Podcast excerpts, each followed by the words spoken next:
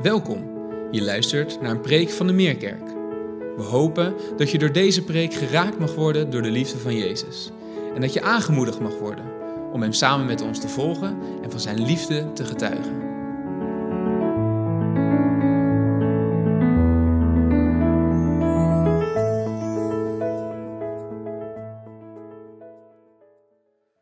Een hele goede morgen. Ontzettend fijn dat jij, dat u weer kijkt op deze zondagmorgen. Als we voor de, wat is het, derde keer stilstaan bij het onderwerp geopende ogen. Waar we al uh, een paar prachtige preken over hebben gehoord. En daar willen we vanmorgen opnieuw bij stilstaan. En dan met name bij de boeken van Mozes. En daar kom ik zo dadelijk op terug. Um, het is allemaal nog in de tijd na Pasen, voor de hemelvaart, voordat we straks het Pinksterfeest gaan vieren. En dat waren 40 dagen tussen de opstanding van Jezus en de hemelvaart, dat Jezus werd opgenomen in de hemel. Dat is bijna zes weken, waarin Jezus keer op keer in allerlei situaties en bij allerlei mensen verscheen om zich te laten zien. En dat was die opstanding van Jezus uit de doden, was werkelijk een, een alles totaal veranderende gebeurtenis. De kille dood was verslagen. Hier was iemand die had de dood overwonnen. Hij was dood, maar hij is weer opgestaan uit de dood. Jezus heeft daardoor laten zien wie hij is. En hij heeft ons, jou, u, mij, een geweldige, levende hoop gegeven op een veel betere toekomst. Een toekomst over de dood heen. Als er nou één zinnetje is na deze preek van vanmorgen, waarvan ik hoop dat je die nu niet en nooit niet zult vergeten, dan zijn het de woorden, er staat geschreven.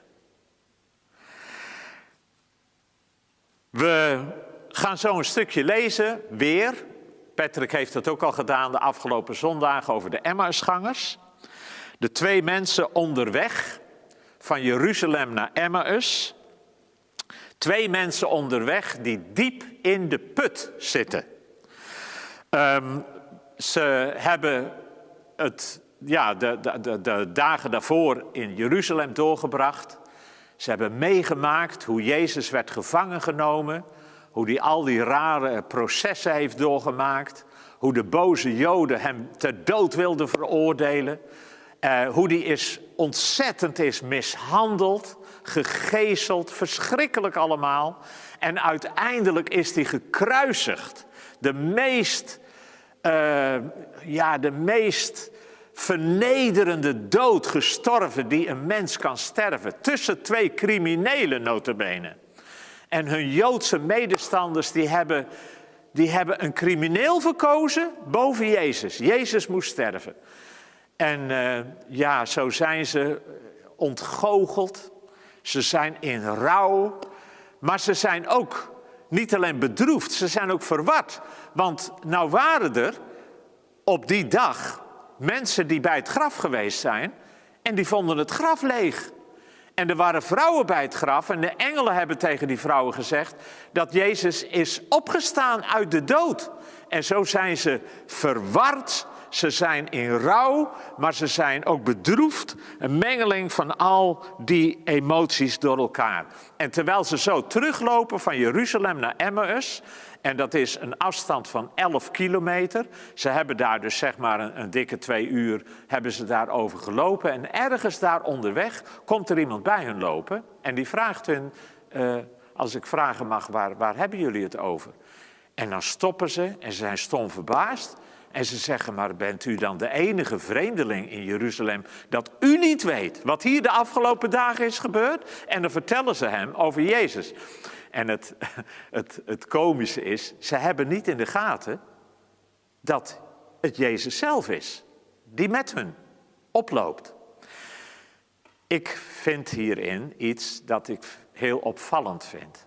De beste hulp die je aan rouwende mensen geven kunt, mensen die een groot verdriet in hun leven hebben meegemaakt, dat is om gewoon naast hun te komen lopen en naar hun te luisteren. Dat doet Jezus met de Emmausgangers.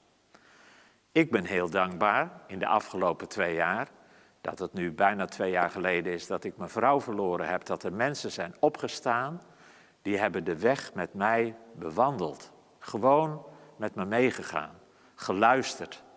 En uh, dat is wat Jezus hier doet met de Emmausgangers. Maar dat is even een zijpaadje, maar het is wel opvallend. De beste hulp die je iemand kunt geven, die een groot verdriet is, is gewoon om de weg met hem of haar te bewandelen. Zo komt Jezus bij hun. En dan staat er in Lucas 24, en dan lees ik vers 25 tot 32. Toen zei hij, dat is Jezus, tegen hen: Hebt u dan zo weinig verstand en bent u zo traag van begrip dat u niet gelooft in alles wat de profeten gezegd hebben? Want moest de Messias al dat lijden niet ondergaan om zijn glorie binnen te gaan? En daarna verklaarde hij hun wat er in al de schriften over hem geschreven stond. Hij begon bij Mozes en bij de profeten. En ze naderden het dorp waarheen ze op weg waren. En Jezus deed alsof hij verder wilde reizen. Maar ze drongen er sterk bij hem op aan dat niet te doen. En ze zeiden: Blijf bij ons, want het is bijna avond en de dag loopt ten einde. Hij ging mee het dorp in en bleef bij hen.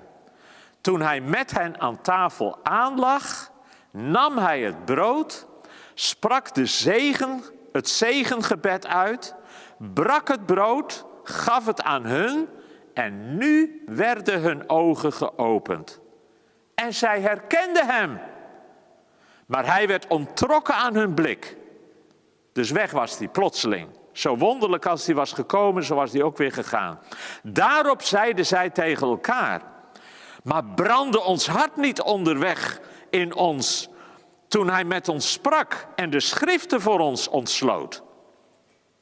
Tot hiertoe. Hij begon bij Mozes en hij legde hun uit alles wat op hem betrekking had. In het voorgaande, daar staat in vers 21, wij leefden in de hoop dat Jezus degene was die Israël zou bevrijden. Dat laat zien dat de verwachting die ze hadden, dat was een verwachting in het hier en nu voor hun, dat Jezus hun zou bevrijden van die Romeinse, heidense onderdrukking. En dat zij hun identiteit als Joods volk, dat ze hun eigen waarde, hun respect weer terug zouden kunnen krijgen. Hun vrijheid weer terug zouden kunnen krijgen. En die hoop, die was de bodem ingeslagen. Dat laat ons zien, de vraag, ook voor ons, met welke verwachting kijken wij naar Jezus? Kijken wij naar Jezus alleen maar met de verwachting voor het hier en nu? Een soort van automaat. We doen er een gebedje in en we trekken er een prachtige zegening weer uit. En uh, hij aait ons over de bol en hij zegt ons dat hij zoveel van ons houdt en dat hij ons allemaal zal helpen en zal zegenen. Verwachten wij het alleen maar van Jezus voor het hier en nu? Ik zal u vertellen, toen mijn vrouw op haar ziekbed lag en ik bijna niet kon slapen, ik midden in de nacht heel erg bepaald werd bij die woorden uit de Bijbel. Als we alleen voor dit leven ons vertrouwen op Christus stellen, dan zijn we de beklagenswaardigste van alle mensen. En het was een uur of drie, vier in de nacht. Ik ben het bed uitgegaan en ik dacht, waar staan die woorden ook alweer in de Bijbel? En ik ben op zoek gegaan en die staan natuurlijk in 1 Korinthe hoofdstuk 15. Een prachtig hoofdstuk over de opstanding der doden en dan over de opstanding van Jezus uit de dood. En daar worden deze woorden gezegd. Letterlijk staat er, indien wij alleen voor dit leven ons vertrouwen op Jezus vestigen, dan zijn we niet alleen beklagenswaardig, nee, dan zijn wij de beklagenswaardigste van alle mensen. Met andere woorden, wij vertrouwen op Jezus. Niet alleen maar voor het leven hier en nu. Want ik, ik was daar met mijn doodzieke vrouw. En ik, ik had enorme zorgen. Zal ik haar houden? Zal ik haar verliezen? En toen ja, kwamen die woorden. En die werden zo ongelooflijk belangrijk voor mij. Wij vertrouwen op Jezus, maar niet alleen maar voor dit leven. Wij vertrouwen ook op Jezus dwars door de dood voor het leven wat daarna op ons wacht. Met welk verwachtingspatroon kijken wij naar Jezus? Wel, zij verwachten iets van Jezus voor het hier en nu. En die hoop werd de bodem ingeslagen. En uh, ja, dan komt Jezus en die ontsluit dan de boeken van Mozes. Hij begint bij Mozes, legt hun uit wat op hem betrekking had. En dan zie je die vijf boeken, het zijn vijf boeken van Mozes: Genesis, Exodus, Leviticus, Numeri en Deuteronomium. De Duitsers die noemen het het eerste boek van Mozes, het tweede boek, derde boek, vierde boek, vijfde boek. Um, dan zie je dat uh, ook in het Nieuwe Testament er veel verwijzingen naar staan. Als Filippus zijn vriend Nathanael zegt van joh, ik heb hem gevonden, dan zegt hij in Johannes 1 vers 45, ik heb hem gevonden, de man over wie Mozes in de wet geschreven heeft. Jezus zegt tegen zijn tijdgenoten in Johannes 5, Mozes klaagt u aan. Als u Mozes zou geloven, zou u ook in mij geloven. Hij heeft immers van mij geschreven. Jezus zegt het. Mozes heeft van mij geschreven. En dan in Lucas hoofdstuk 16, waar de rijke man zegt van joh, stuur toch mensen naar mijn, naar mijn familieleden. En dan wordt hem het antwoord gegeven, zij hebben Mozes en de profeten, laten ze naar hen luisteren. En zo staat hier dus ook in Lucas 24 wat er in al de schriften over hem geschreven stond. En hij begon bij Mozes. En daarom die woorden, waarvan ik hoop dat je die nu niet en nooit niet zult vergeten. Er staat geschreven. Kun je die een keer hardop met me meezeggen? Thuis of waar je ook zit? Er staat geschreven. Dat was voor Jezus heel belangrijk. Zo weerstond Jezus de verzoeking van Satan in de woestijn. Er staat geschreven, Satan. En dat zijn geweldige woorden voor ons. Als jij ontdekt, als u ontdekt, dat je geloof is gebaseerd op de beloften en de woorden van God zelf, dan krijgt je leven en dan krijgt je geloofsleven een blijdschap en een zekerheid die je voorheen nog nooit gekend hebt. Wij hebben een Bijbel vol beloften. Van het begin tot aan het eind. En Paulus en de apostelen, dat waren Joden. Dus de allereerste evangelisten, dat waren Joden. Die ook het evangelie aan andere Joden vertelden. Het is pas later dat ze het ook aan heidenen gingen vertellen. Maar op het moment dat die Joodse evangelisten een andere Joden over Jezus gaan vertellen, dan zeggen ze dat ook telkens. Want zij hebben geen Nieuw Testament. Zij hebben gewoon de geschriften van het Oude Testament. Zij hebben Mozes, de psalmen en de profeten. En daar putten ze uit. En dan zegt bijvoorbeeld Paulus tegen zijn Joodse tijdgenoten dat God zijn belofte aan onze voorouders heeft vervuld.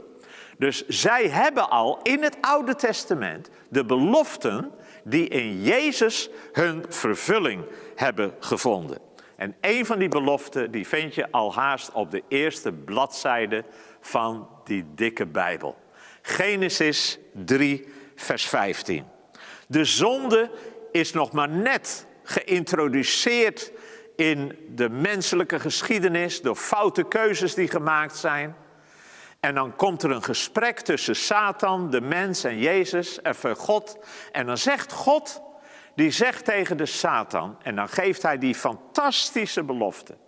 Satan, uit het zaad van de vrouw zal een mens komen, die zal jou de kop vermorzelen. En jij zult het de hiel verbrijzelen. Met andere woorden, die nakomeling van Eva, die mens die komen zal, die zal de hiel vermorzeld worden, die zal lijden. heel erg lijden, je zal zelfs sterven, een verschrikkelijke dood sterven. Maar door dat alles heen, Satan, zal jouw kop vermorzeld worden. En zo leven we vanaf het begin van de Bijbel met de belofte. De dagen van de Satan zijn geteld. Wat een geweldige belofte. En dan is de Bijbel een belofteboek van begin tot eind. Want als je dan helemaal aan het einde van de Bijbel komt, op bijna de laatste bladzijde van de Bijbel, daar staan beloften die wij nog in vervulling moeten zien gaan. Waar Jezus zegt, zie ik maak alle dingen nieuw. Een nieuwe hemel, een nieuwe aarde. Dat is nog waar wij naar uit mogen zien. Maar de Bijbel is een boek boordevol beloften, van begin tot aan het eind. En dan zien we dat de Bijbel ook belooft, gelijk al in die eerste boeken van Mozes, zegen voor iedereen. En daar heeft Patrick over gesproken. De belofte aan Abraham.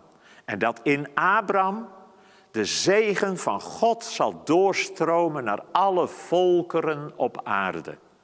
En wij als niet-Joden, de meeste van jullie die hier naar luisteren zijn geen Joden, wij zijn heidenen, wij zijn onbesnedenen. Wij plukken van de zegen aan Abraham beloofd. Die zegen voor Israël die dan overstroomt naar alle volkeren. En uiteindelijk is dat tot vervulling gekomen in de Heer Jezus Christus. In zijn werk voor ons, de vergeving van God, de genade die daarin geopenbaard is, die voor ons allen beschikbaar is gekomen. Maar dan ben je in de Bijbel nog maar bij hoofdstuk 12 van het allereerste boek. De Bijbel is een boek vol beloften, van begin tot aan het eind. En dan zie je de vader die zijn zoon bijna offert. Vorige week zondag heeft Patrick daarover gesproken. Wat een prachtig plaatje over Jezus die gaat komen. Die vader Abraham, die zijn zoon bijna offert. En dan samen oploopt en zijn zoon die zegt, maar pa, u hebt een mes, u hebt vuur. Uh, en we hebben hout, maar, maar waar is het offerlam? En dan zegt de vader Abraham, en dat zijn profetische woorden, zoon, God zal voorzien in een lam als een slachtoffer. Welnu, dat heeft God gedaan. En als later Johannes de Doper zijn volgelingen op Jezus wijst, dan gebruikt hij letterlijk deze woorden en zegt hij, zie daar, het lam van God dat de zonde van de wereld wegneemt. En dan kom je aan het eind van Genesis bij de geschiedenis van Jozef. Wel nu, de geschiedenis van Jozef, ik zou zeggen dat is haast een soort van glas in loodraam in de kathedraal van de boeken van Mozes, waarin als je die tekening in het glas in loodraam ziet, dan is het de tekening van Jozef, maar jij kan niet helpen om daar Jezus in te zien. Dat verhaal van Jozef heeft zoveel parallellen met Jezus, dat het meer dan verbluffend is. Ik heb ze opgeschreven, want het is een hele lange lijst. Jozef is de geliefde zoon. Hij wordt door de vader gestuurd. Hij is bereid om te gaan, om naar zijn broeders om te zien. En je herkent hem van verre, want hij is anders. Hij is anders gekleed dan de anderen. En zijn broers die hem zien komen, die smeden een aanslag tegen hem om van hem af te komen. Ze, ze trekken zijn kleren uit. Ze verkopen hem voor 30 zilverstukken. En weet je, als ik dit allemaal zo vertel van Jozef, en jij kent het, je kent de Bijbel een beetje, je kent het verhaal van Jezus een beetje, dan zie je dat dit is letterlijk ook allemaal bij Jezus gebeurd. Jezus is ook voor 30 zilverstukken verkocht. Degene die hem wilde redden, Ruben, die wilde hem redden, die was er niet toen puntje bij paaltje kwam. En dan denk je aan Petrus met zijn grote mond. Maar op het moment dat, dat het gebeurt, is hij niet thuis. En dan wordt er van Jozef gezegd dat hij dood is. Maar hij is niet dood, hij leeft. En hij is op een missie die hen het leven zal redden. Van Jozef wordt geschreven, de Heere was met hem. Hij werd verzocht, de vrouw van Potifar. Maar hij zondigde niet. En uiteindelijk wordt hij onterecht veroordeeld. En daarin is hij samen met twee anderen, de bakker en de schenker. En de een wordt gered en de ander gaat verloren. En dan denk je aan de misdadigers waar Jezus mee gekruisigd werd. En dan moet de farao een keus maken. Gaat hij naar deze Niemendal luisteren? De geminachte Jozef wordt uiteindelijk uitermate verhoogd. Hij wordt prachtig gekleed. Hij wordt geëerd. Hij krijgt alle macht in het land. Iedereen komt naar Jozef toe om in leven te blijven. En hij zegt zelf, daarom ben ik door God gezonden. Hij is hun enige hoop. En zijn broers worden tot schuldbekentenis gebracht. En de relatie wordt hersteld. De vader en de zoon worden weer herenigd. Alles komt toe aan de zoon, Jozef. Hij wordt later gediend uit dankbaarheid. Hij vergeeft zijn broeders. En je hoort Jezus zeggen: Vader, vergeef het hun, want ze weten niet wat ze doen. En uiteindelijk geeft hij niet alleen vergeving, maar hij zorgt voor hen. En hij bereidt het voor dat ze in Egypte kunnen komen wonen. En in alles zie je het verhaal van Jezus. Zoveel parallellen. Het is een glas in loodraambeeld. Jozef, dat ons Jezus laat zien. Je kunt het niet helpen. En dat is het eerste boek, Genesis. Wat een verhaal. Dan kom je bij het tweede boek, de Exodus. En de Exodus, de uittocht, dat gaat met name over de bevrijding van de slavernij in Egypte en dan op weg gaan naar het beloofde land. En daarin wordt uh, uitgelegd hoe het Pesach als een oerfeest in de Joodse traditie wordt geboren. Want bij die uittocht zegt God, moeten ze een lammetje nemen, drie dagen in huis hebben, slachten, het bloed aan de deur smeren en dan zal de engel komen en waar dat bloed is, zal iedereen worden gespaard. Maar waar dat bloed niet is, dan wordt de eerstgeborene in huis gedood. En dan in alle huizen van Egyptenaren is er dood en verderf. En dan hebben ze er genoeg van. En dan laten ze het volk Israël gaan. En dan moeten ze, de Joden moeten dat altijd blijven vieren. Het Pesachfeest, ter gedenking, ter herinnering aan de uittocht, de uitredding van de slavernij in Egypte om op weg te gaan naar het beloofde land. Maar dat is allemaal een prachtig beeld van wat later in Jezus in vervulling zal gaan. Want als wij dat bloed aan ons hart hebben, dan worden ook wij gered. En uh, het is niet toevallig dat het op het Pesachfeest is, uitgerekend op die dag. Dat Jezus gaat lijden en gaat sterven. En dat Hij als het lam Gods, dat de zonde van de wereld wegneemt, zijn leven geeft voor jou en voor mij. Als het volmaakte offerlam zijn bloed laat vloeien. Het is ongelooflijk dat het allemaal zo in elkaar past. Maar het is allemaal profetisch over Jezus. Genesis, Exodus, dan komt Leviticus. Genesis begint met de schepping en eindigt met de familie van Jacob in Egypte. Exodus begint met de familie van Jacob in Egypte en eindigt met een groot volk Israël onderweg naar het beloofde land en de tabernakel en God die onder hen komt wonen. Leviticus begint dan dat God uit de tabernakel tegen het volk zegt: Als jullie mij willen dienen, dan is dit de manier waarop dat moet gebeuren. In het Hebreeuws heet het, heet het boek Leviticus Wajikra. Dat betekent hij roept. God roept vanuit de tabernakel en zegt tegen hen: Als jullie mij willen dienen, dan wil ik dat het zo gebeurt. Niet wij bepalen hoe we God dienen, God bepaalt hoe wij Hem moeten dienen dan zie je dat Leviticus spreekt over de priesterdiensten en over de offerdiensten. En dat zijn allemaal heenwijzingen naar dat wat Jezus later voor ons zal gaan doen. En als je dan in het Nieuwe Testament komt, dan kom je dat oer-Joodse boek, de Hebreeën, de brief aan de Hebreeën tegen, waarin wordt uitgelegd hoe die offerdiensten eigenlijk allemaal inferieur zijn aan het geweldige offer dat Jezus heeft gebracht. En de priesterdiensten, inclusief de hoge priester, allemaal inferieur zijn aan de geweldige hoge priesterschap van Jezus. En die vergelijking wordt prachtig en krachtig gemaakt. Maar het interessante is dat het boek Hebreeën begint haast op dezelfde manier als het boek van Leviticus. Hebreeën begint met deze woorden. Nu de tijd ten einde loopt, heeft God tot ons gesproken in zijn zoon. Hij roept in Jezus. Als je mij wil kennen, als je mij wil dienen, dan is dit de manier. Jezus. Jezus is de vervulling van het boek Leviticus, de priesterdienst, de offerdienst. Dan heb je Genesis, Exodus, Leviticus, dan heb je Numeri.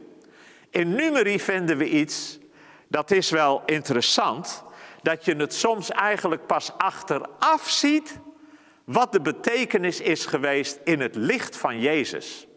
In Numeri staat een voorval waar het volk moppert in de woestijn voor de zoveelste keer en waar ze echt, ja, waar ze God tarten.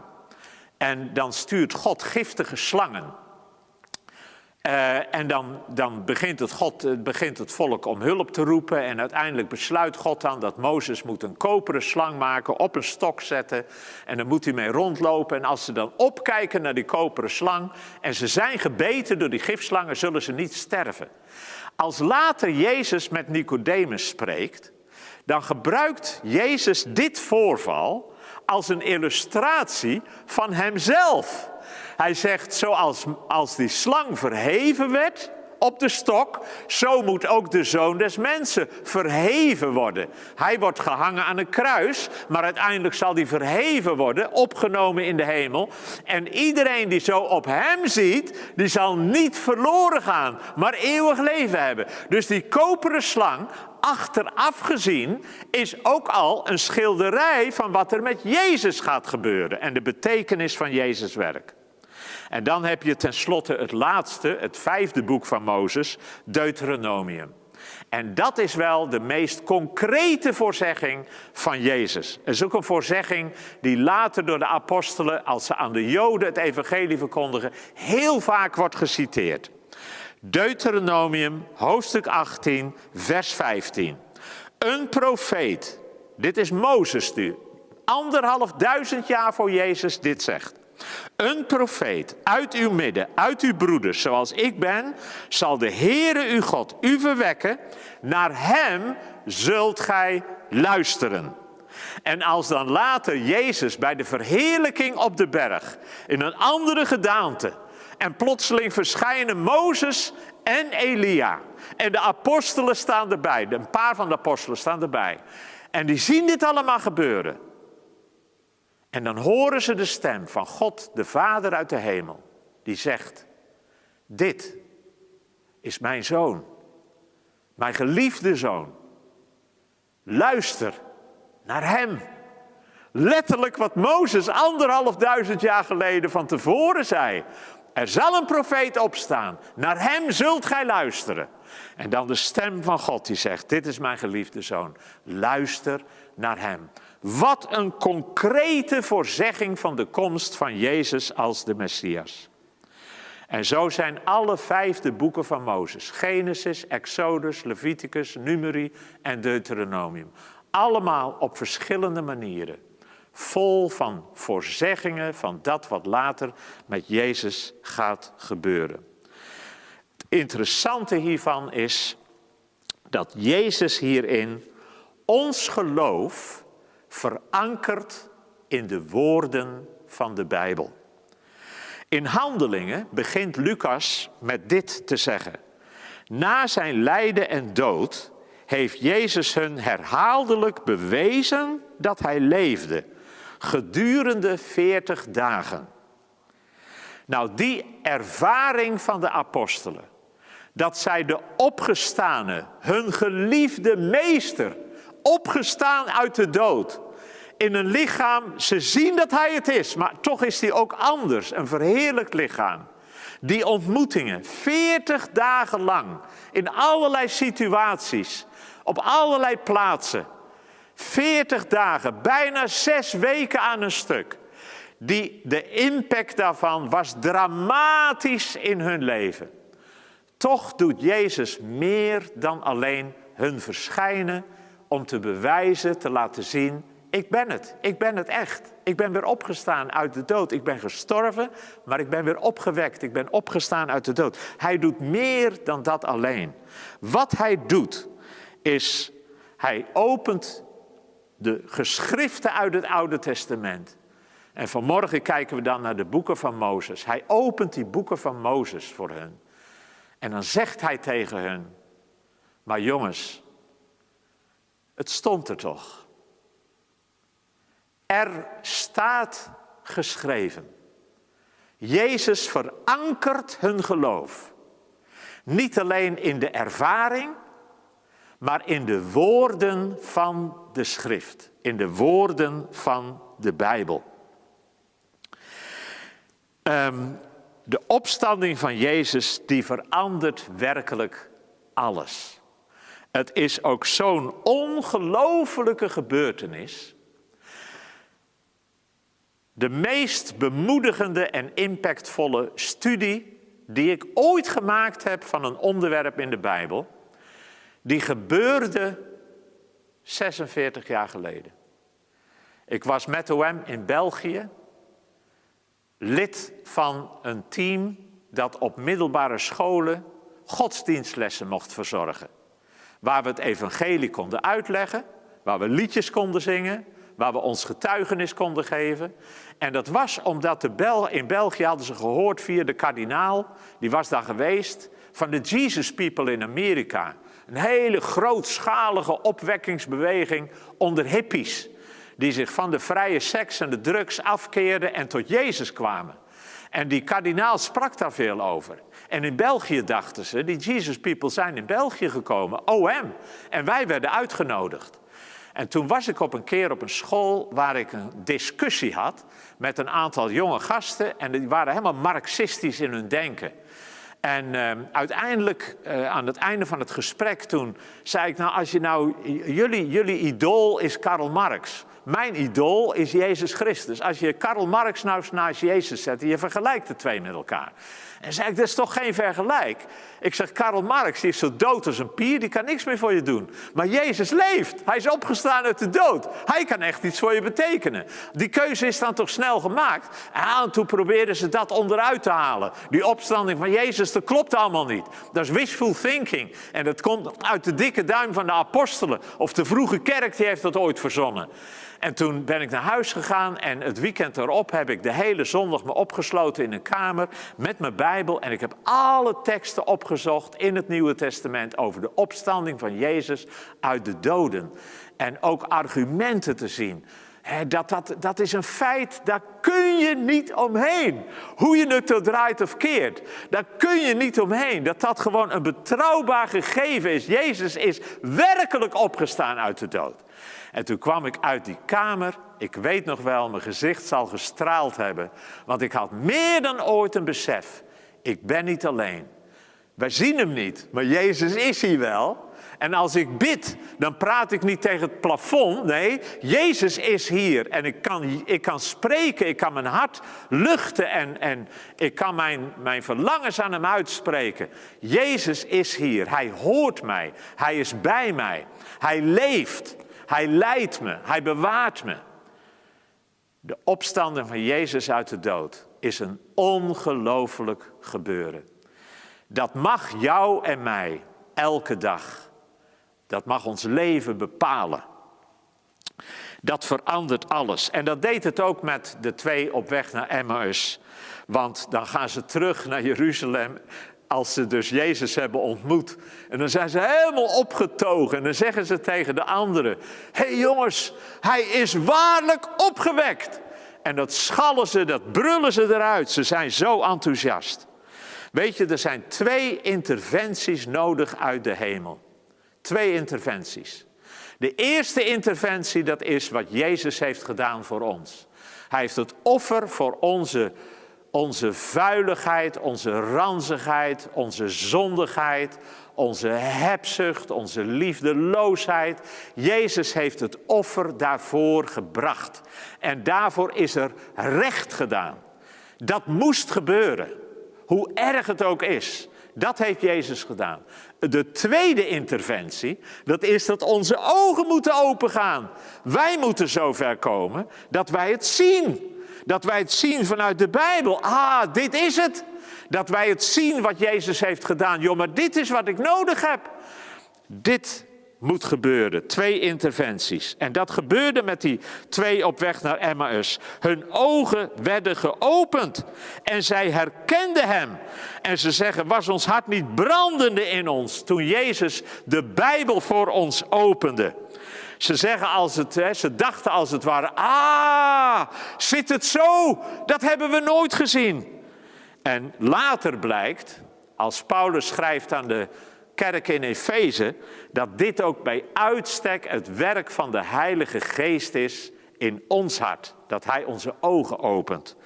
Paulus die legt in de Efezebrief uit, als we Jezus hebben aangenomen, als we in Hem hebben geloofd, als we Hem hebben omarmd, als Hij in ons leven is, dan zijn we zo ontzettend rijk. Hè? dan hebben we deel aan Gods genade, we hebben deel aan Gods vergeving, hè? verzoening. We zijn een kind van God. Hij somt het allemaal op. En dan heeft hij dat allemaal opgesomd. En dan bidt hij dat ze mogen hebben een geest van inzicht. Verlicht de ogen van uw hart, zodat u weet welke hoop uw roeping wekt. Dus Paulus bidt om open ogen. En dat is wat de Heilige Geest wil doen. En is het mijn gebed voor mezelf, voor jou, voor u, dat de Heilige Geest dat ook meer en meer in ons mag doen. Onze ogen mag openen. En dat we het zullen zien. En dan tenslotte de kostbare lessen voor ons, als we dit allemaal zo lezen. Er zijn er misschien wel meer, wel meer, maar ik zie er in ieder geval vier. De eerste les is, de Bijbel is één geheel. Ik heb jarenlang de gewoonte gehad om te proberen elk jaar de hele Bijbel één keer door te lezen. De Bijbel, een heel jaar, waar heb je het over? Maar toch is het een behoorlijke opgave. Als je zegt dat wil ik ook gaan doen, het is heel makkelijk. Drie hoofdstukken op een dag en vijf op de zondag. En dan ben je in één jaar de hele Bijbel door. Maar de Bijbel is één geheel. We moeten niet alleen het Nieuwe Testament lezen en het Oude Testament laten liggen. Ook in het Oude Testament vinden we prachtige dingen die belangrijk zijn voor ons om te weten, om te begrijpen en om te zien. En eh, die ook een geweldige rijkdom worden in het licht van Jezus. En dan, dan de Bijbel is één geheel. En dat wij ook gaan ervaren in ons leven dat God ons geloof wil baseren op wat er staat in de schriften. Er staat geschreven. In de tweede plaats, wij hebben een gegronde hoop voor de toekomst. Als God belofte gedaan in een lange ver verleden tot vervulling heeft doen gaan, dan mogen wij gegronde hoop hebben dat al de beloften die wij hebben, die nog niet in vervulling zijn gegaan, dat die op een dag ook eens in vervulling zullen gaan. En zo mogen wij uitzien naar de terugkomst van Jezus. Zo mogen we uitzien naar de opstanding van de doden.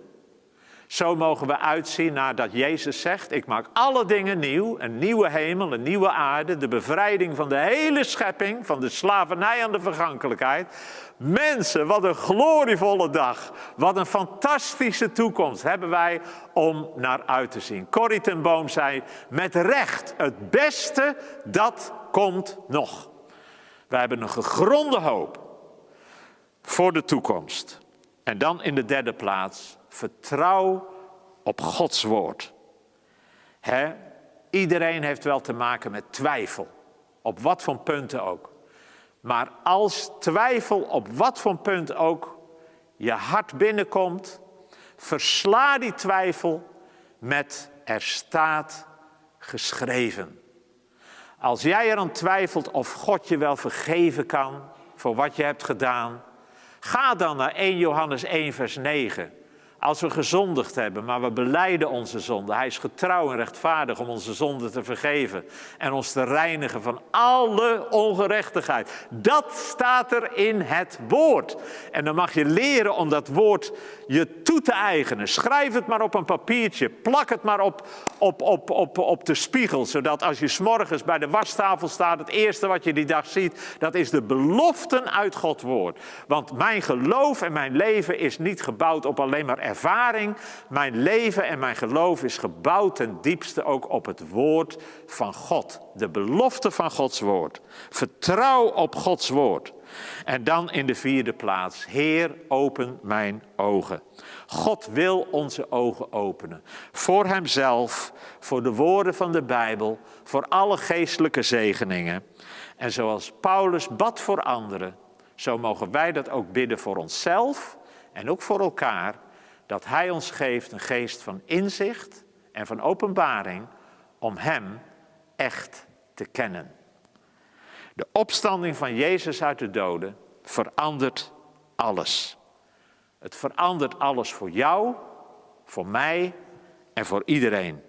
De dood is verslagen. Jezus heeft laten zien wie Hij is en wij hebben een gegronde hoop voor een veel betere toekomst. Ik wil afsluiten met een reclame. Misschien heb je het wel eens gezien, kort geleden voor de televisie.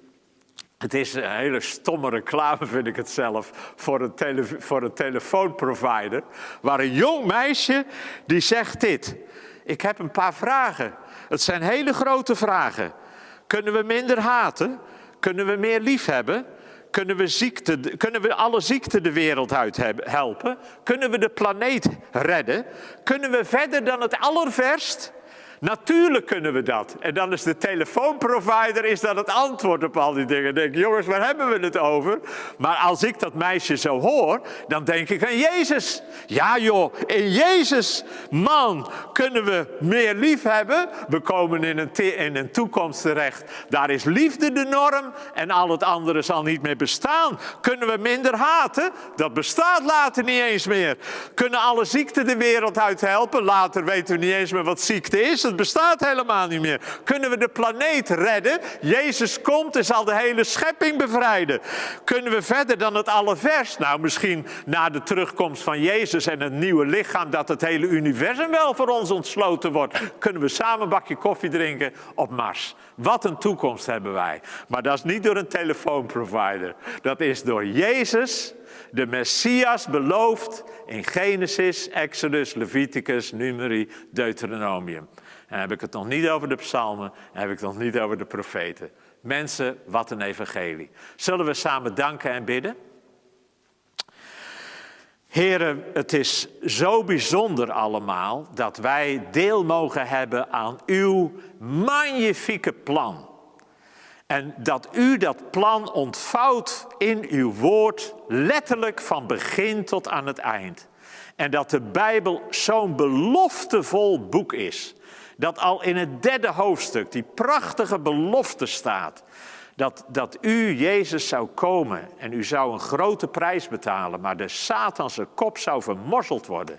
Zijn dagen zijn geteld. Halleluja. En dan danken we u voor al die boeken, Genesis, Exodus over de uittocht en ook over onze uittocht uit de slavernij op weg naar het beloofde land. Numeri, iedereen wie opziet naar de slang, wie opziet naar Jezus, die zal behouden worden, gered worden. En dan, ja, uiteindelijk Deuteronomium, een profeet zal opstaan. Luister naar hem. Jezus, u bent die profeet. En wij willen naar u luisteren. En zo willen we vanmorgen opnieuw tegen u zeggen, Heer, ik leg mijn leven in uw handen. Ik wil u volgen. Ik wil in alles in mijn leven naar u luisteren. In Jezus' naam. Amen. Fijn dat je hebt geluisterd. Voor meer informatie ga naar www.meerkerk.nl.